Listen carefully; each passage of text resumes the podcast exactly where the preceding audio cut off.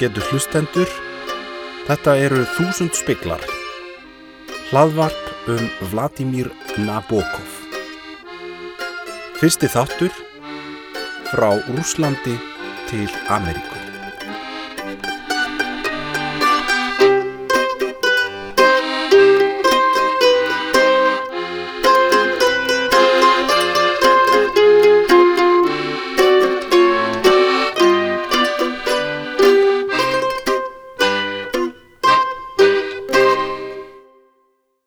Vladimir Nabokov fættist í Pétursborg í Rúslandi þann 22. apríl 1899. Hann er sérstakur höfundur að því leiti að hann færi sig á milli heima og færi sig úr einu tungumáli yfir í annað. Nabokov er ekki nema 18 ára þegar rúsneska byltingin á sér stað árið 1917 og í kjölfar hennar fyrir hann með fjölskyldisunni í útlegð til vestur Evrópu. Hann yfirgefur Rúsland árið 1919 rétt tæflega tvítur. Fjölskyldan fer fyrst í Cambridge í Englandi en síðan til Berlínar og Nabokov er búsettur í Berlín í 15 ár frá 1922 til 1937. Þar skrifar hann sínar fyrstu skáldsögur og mótast sem rittöfundur.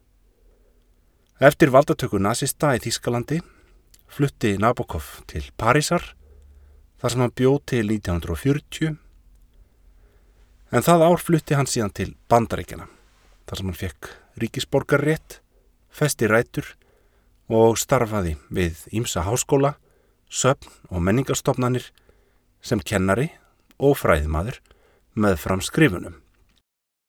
Árið 1955 sendi hann síðan frá sér þá bók sem lítur að teljast hans þekktasta og áhrifamesta verk.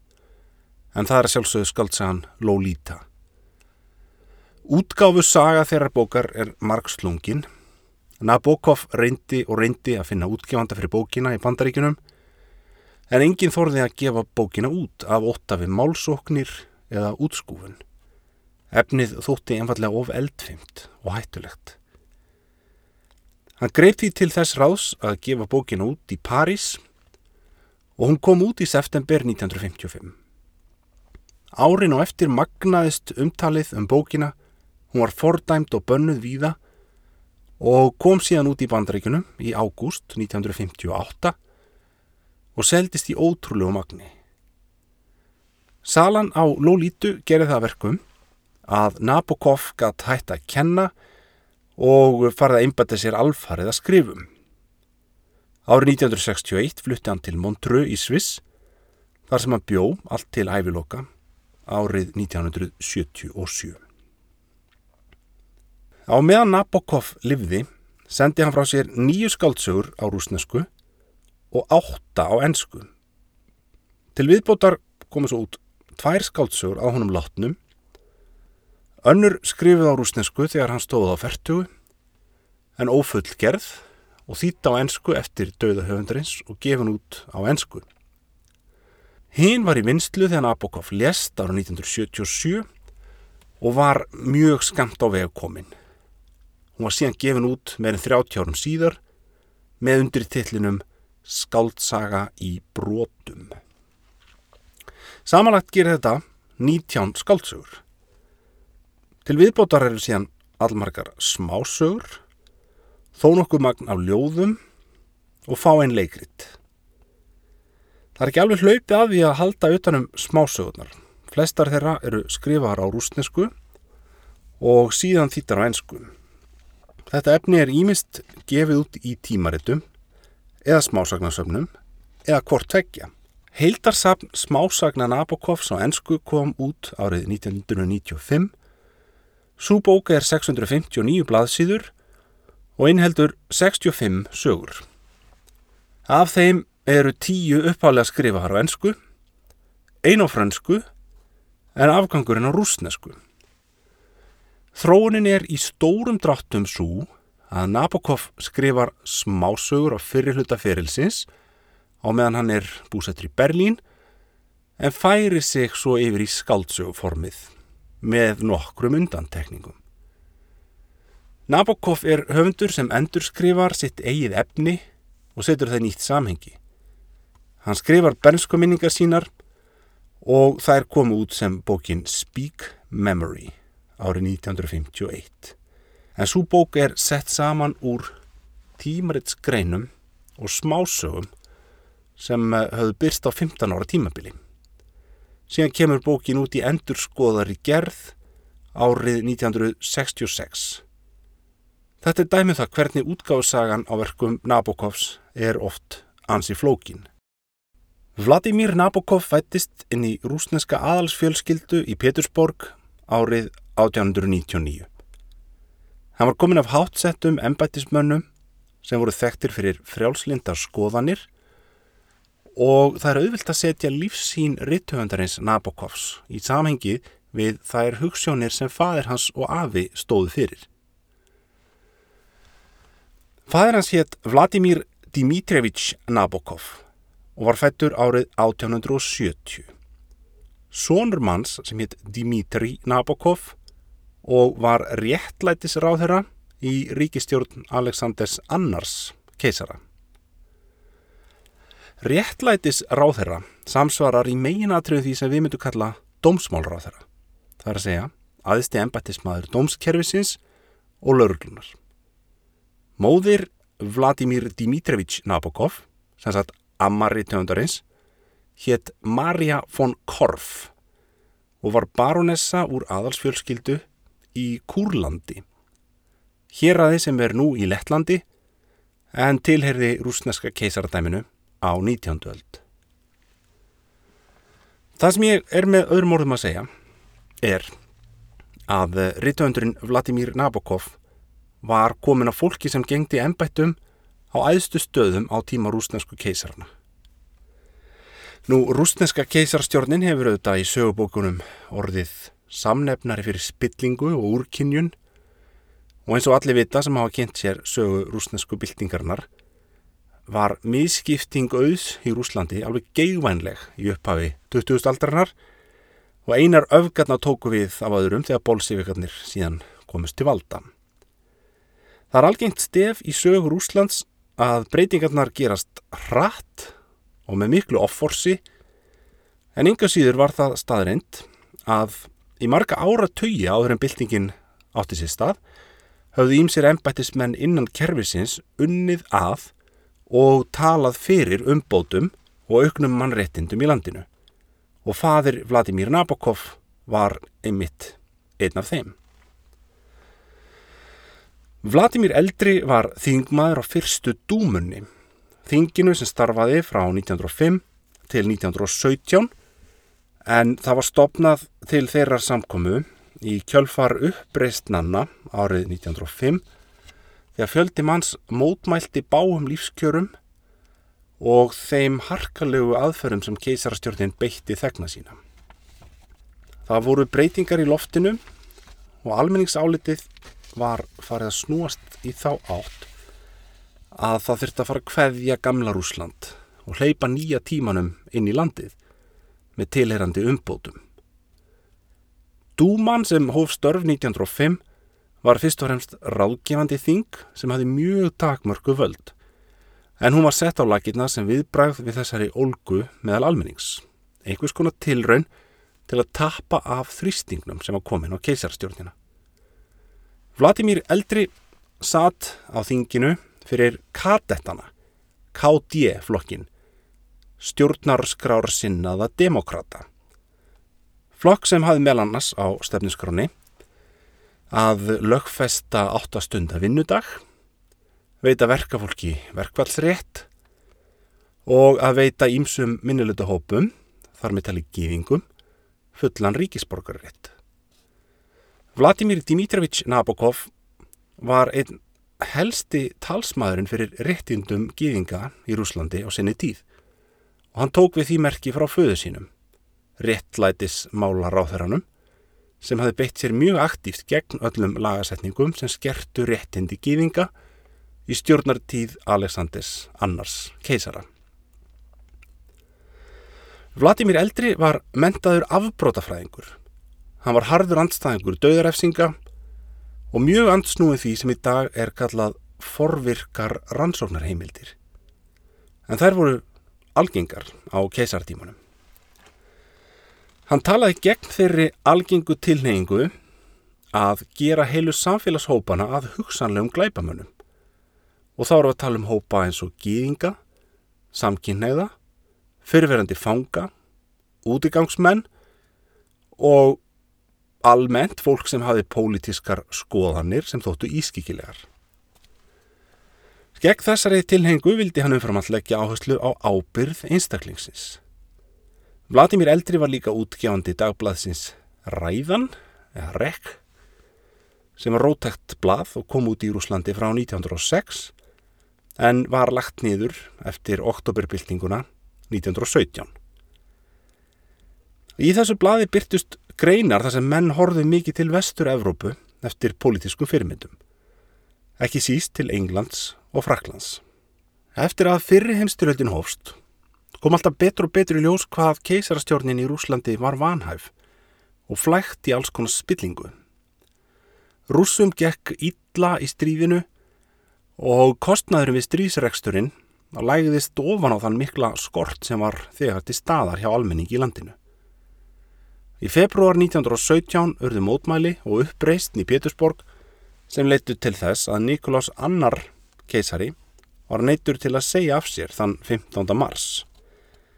Hann laði til að bróður hans, Mikael Aleksandrovits, erki hertogi, tæki við keisaranbættinu en degi síðar sendi Mikael frá sér yfirlýsingu þar sem hann hafnaði ennbættinu. Og Vladimir Nabokov eldri mun hafa skrifað uppkastið af þeirri yfirlýsingu á samt öðrum löglarðum fulltrúa úr kadettafloknum. Rúsneska keisardæmið var að liðast í sundur og Vladimir Dimitrevich Nabokov var beitn aðeli að málsaðtökum. Hann satt á fremsta bekk og fyldist með öllu sem framfór.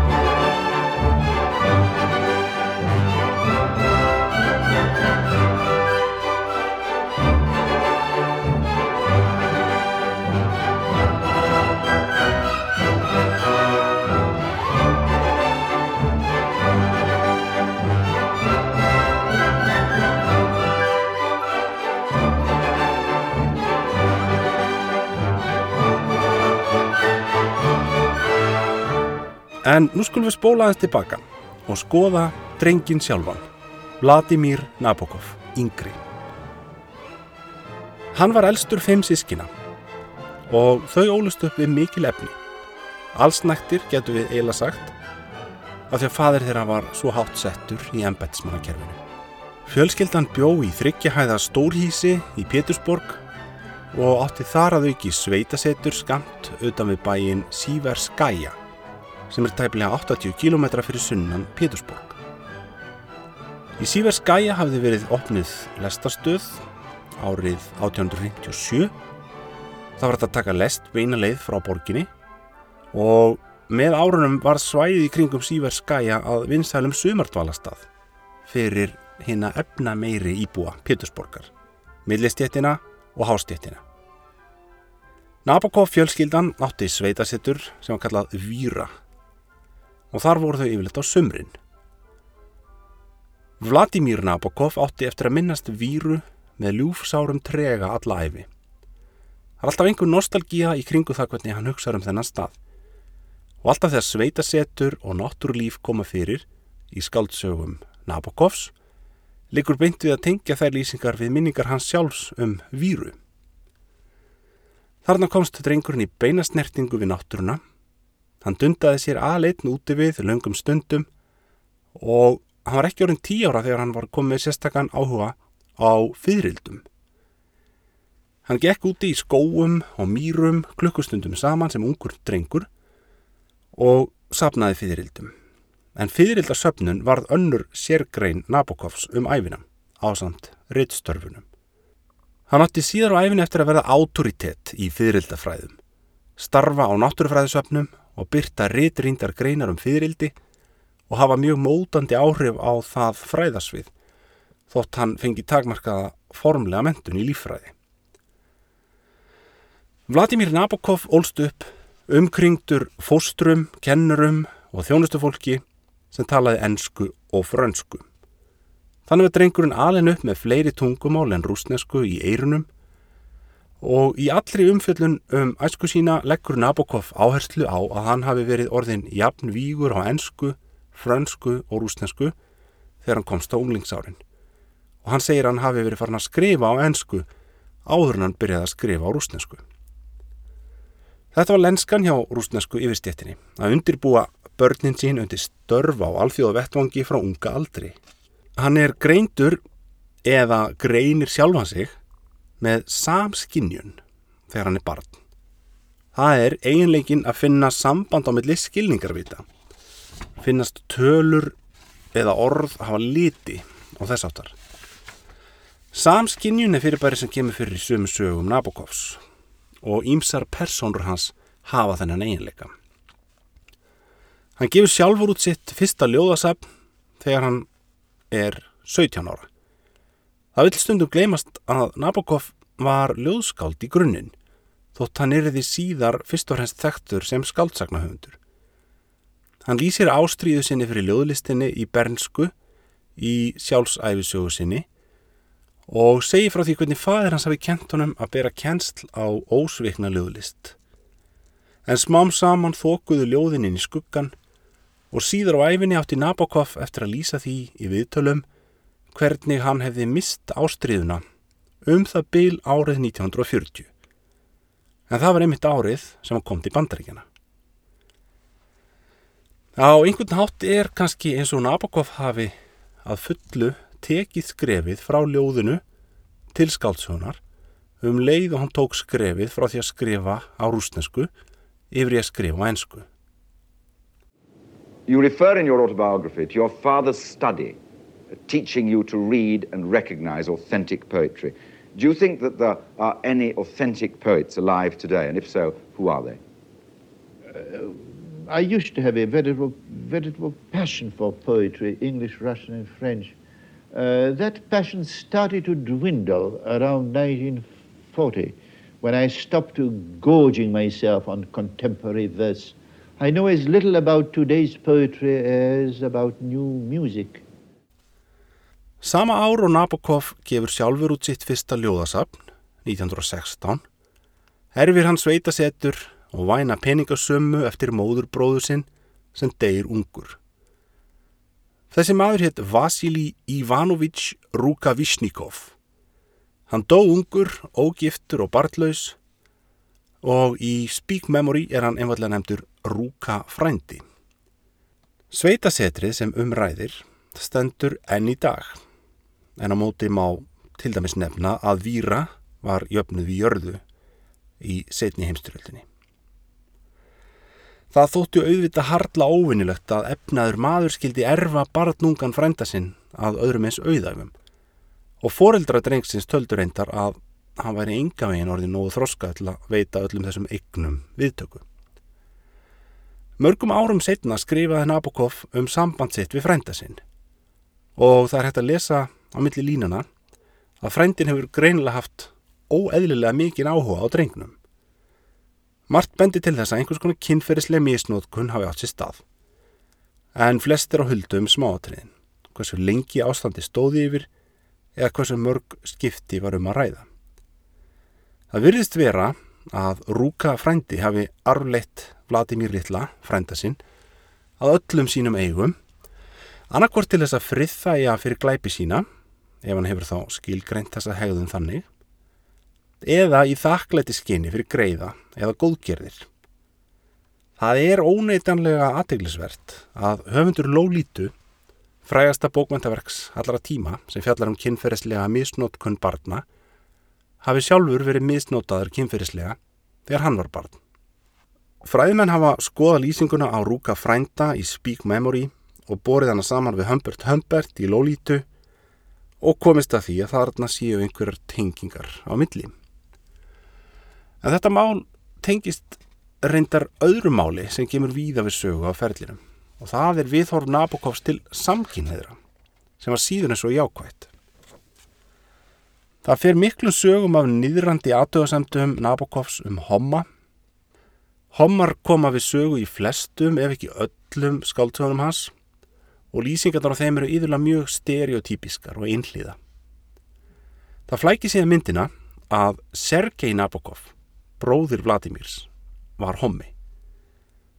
Þegar þeir voru 15 og 16 ára fann Vladimir dagbókina hans Sergei opna á skrifborðinu í herbyggina hans og af því sem þar kom fram mátti ráða að hann hafði kynferðislegan áhuga á karlmönu.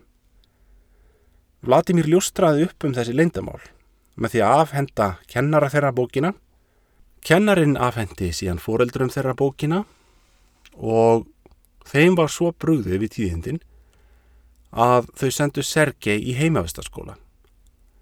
Samband þeirra bræðirna var styrt í mörga ár eftir þetta og Nabokov verðist aldrei hafa gert vandamálin á milli þeirra almenlega upp því þau dúka upp í ymsum myndum í mörgum á bókunum hans. Frægasta verki í því samingi er fyrsta skáltsagan sem er samt á ennsku The Real Life of Sebastian Knight sem kom út 1941.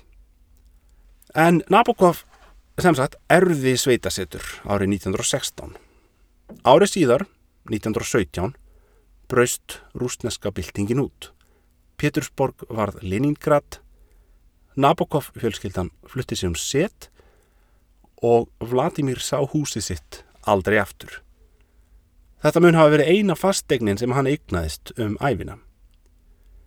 Fjölskyldan var í margvíslegum tengslum við keisarafjölskylduna og til að bjarga lífi sínu flýja þau eftir byltinguna til Krímskaga sem þá tilherði Úkrænu. Krímskagin var gerður að sjálfstæðu ríki sem liði þó ekki nema í cirka eitt ár og Vladimir Dimitrevich Nabokov starfaði sem réttlæti smála ráðherra í þeirri ríkistjórn. En bolsevikarnir leggja Krímskagan síðan undir sig og í framhaldinu flýr Nabokov fjölskyldan land og flytur til Cambridge á Englandi. Nabokov nam við háskólan í Cambridge á árunum 1919 til 1922. Þar læriði hann meðal hans dýrafræði og rómönsk tungumál. Fjölskyldan flyttur síðan til Berlínar og þar býr Nabokov frá 1922 til 1937. Það er í Berlín sem hann tekur fyrstu raunveruleg skrefin sem skáld og reythöfundur. Hann gefur út sín fyrstu verk þar. Fæður hans reittstýrið blaðinu Rúl sem var rúsnest útlagablað og hann var mikil smetinn í rúsneska samfélaginu í Berlín. Þar bjó vitanlega fjöldi fólks sem hafi flúið gamla heimalandið af sömu ástæðum og þau. Ímis ljóð eftir Nabokov byrtast í tímaritinu Rúl á þrýði áratögnum og rétt eins og fyrstu skáldsögurnar sem koma nokkur um árum síðar sendir hann þau frá sér undir skáldanafninu Vladimir Sírín. Sírín var þjóðsagnarskeppna úr rúsneskri þjóðtrú, hálfur fuggl og hálf kona. Aðalástaðin fyrir því að Nabokov velur að skrifa undir skáldanafni er svo að hann vildi aðgreina sig frá föðu sínum sem hétt auðvitað sama nafni og hann. Sama ára Nabokov flytur frá Cambridge og saminast fjölskyldu sinni í Berlín, er fadir hans myrtur og sá atbyrður er stórkoslegt áfall sem kemur óbeint við sögu í mörgum verkum sonarins síðar. Atbyrðurinn á sér stað á pólitískum fundi þar sem tveir menn dragu bissu og skjóta að manni sem hétt Pavel Miljúkov og var leiðtói demokrataflokksins í rúsneska Berlínar samfélaginu. Vladimir Eldri kemur til varnar fyrir þennan vinsinn, skýlir honum fyrir skotárásinni en er sjálfur skotin til bana. Morðingarnir tveir, Sergei Taburitski og Pjótr Shabelski Borg, voru dæmtir í 14 ára fangelsi en sátu aðeins inni í brota þeim tíma. Áður en langt um leið voru þeir aftur frjálsir og aftur orðni virkir í rúsnanska samfélagin í Berlín. Vladimir Eldri var aðeins rétt rúmlega 50 þegar hann lést og eftir andlátið byrtust fjölmarkar minningagreinar eftir embættis og stjórnmálumenn og ýmsa málsmetandi menn í Berlín. Vladimir Yngri fekk alls konar aðstóð og fyrirgreðslu út á það að vera sonur föðusins. Fæðir hans var vinmarkur og virtur í Berlín og sonurinn naut góðs á því með ýmsum hætti. Föðurmissirinn var einstæsta breytingin í lífi Nabokovs. En önnur og kannski ennstærri breyting hafði orðið þegar fjölskyldan flutti frá Rúslandi. Þessi aðalsfjölskylda sem hafði átt gríðalega regnir í föstu og lausu var nánast alls laus þegar hún kom til Berlínar. Í mestarlægi að þeim tækist að smigla einhverju smáveisa skartgripum með sér til að borga fyrir gistingu hér og þar. Nabokov er sem sagt fættur og upp alinn í aðalstjett en færist niður í millistjettina þegar hann fer til Berlínar. Þetta þýtti að hann varð að byrja að vinna fyrir sér og það ger hann umfram allt með skrifum. Árið 1923 kynntist hann Veru Jefsejevnu Slónim, konunni sem hann giftist tveimur árum síðar og varði lífsförunautur hans við frá því. Hún tók nafn eigimann síns og er betur þekkt sem Vera Nabokova. Vera var gýðingur og það var óvinnilegt að karlmaður úr rúsneskri aðhalsfjölskyldu skildi giftast gýðingi. En Nabokov átti ekki í neinu vandraði með það. Hann var allatíð mikill talsmaður gýðinga og hjælt réttendum þeirra mjög á lofti. Og með því hjælt hann upp í merki föðu síns og afa sem höfð báðir gert slíkti sama. Vera var stórmerkileg kona sem stóð með manni sínum í gegnum þygt og þund Sá hann farborða á þeim árum þegar bækunar hans seldust takmarkað og aðstóðið hann eftir að hann sló í gegn. Ímist sem reytari, reytstjóri, ráðgjafi, próarkalesari, bílstjóri, verkstjóri og meira segja lífvörður. En sagan segir að í bandaríkunum hafi verið alltaf gengið með skambissu á sér til að vernda einmann sinn. Vladimir og Vera eignuðust einn svon, Dimitri Nabokov sem fætist árið 1934. Hann varð óperusöngvari en einnig þýðandi og þýtti mörg af verkum föðu síns af rúsnesku á einsku.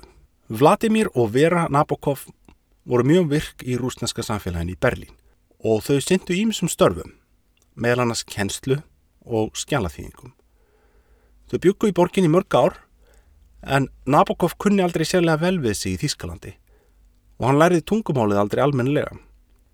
Eftir valdatöku nazista árið 1933 fór að þrengja mjög af þeim, fyrst og fremst vegna þess að vera var gýðingur og réttindum gýðinga fór mjög hrakandi á fjóruða áratöknum.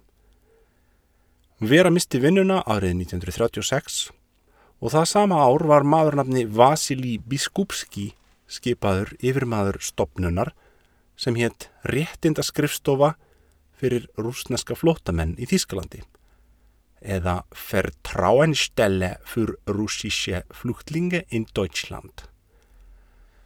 Þetta var stjórnsýslu stopnun sem hafði yfirumsjón með rúsneska innflytja samfélaginu í Berlín.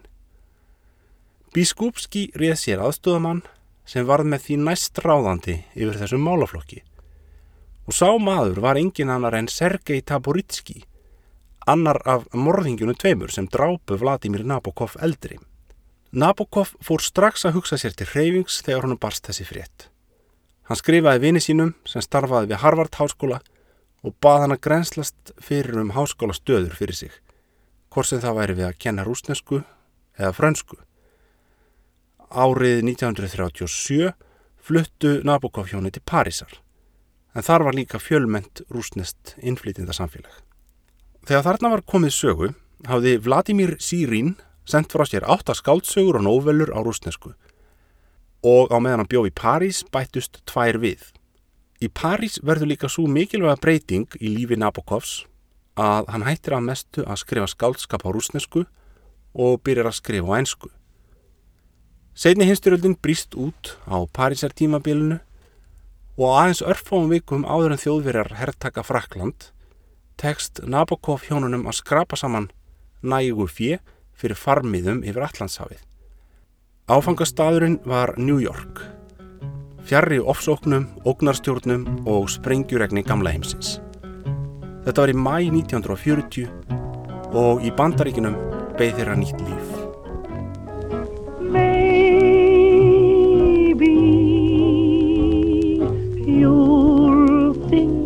Of me when you are all alone.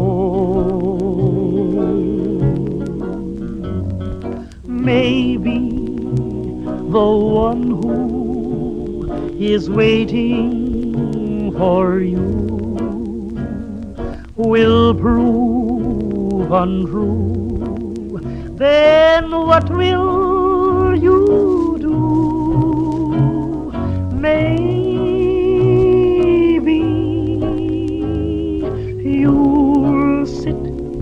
and sigh, wishing that I were near. Then maybe you'll ask me to come back again, and maybe I'll say Þetta var fyrsti þáttur og hér hefur verið farið yfir æfiferil Vladimirs Nabokov. Allt fram til þess er hann flutti til bandarækjana.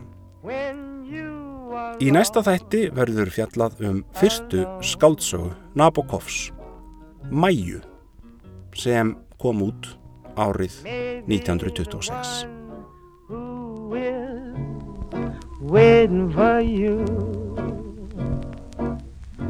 Will prove untrue. Then what will I do? Maybe you'll sit inside, wishing that I were near. Then maybe ask me to come back again.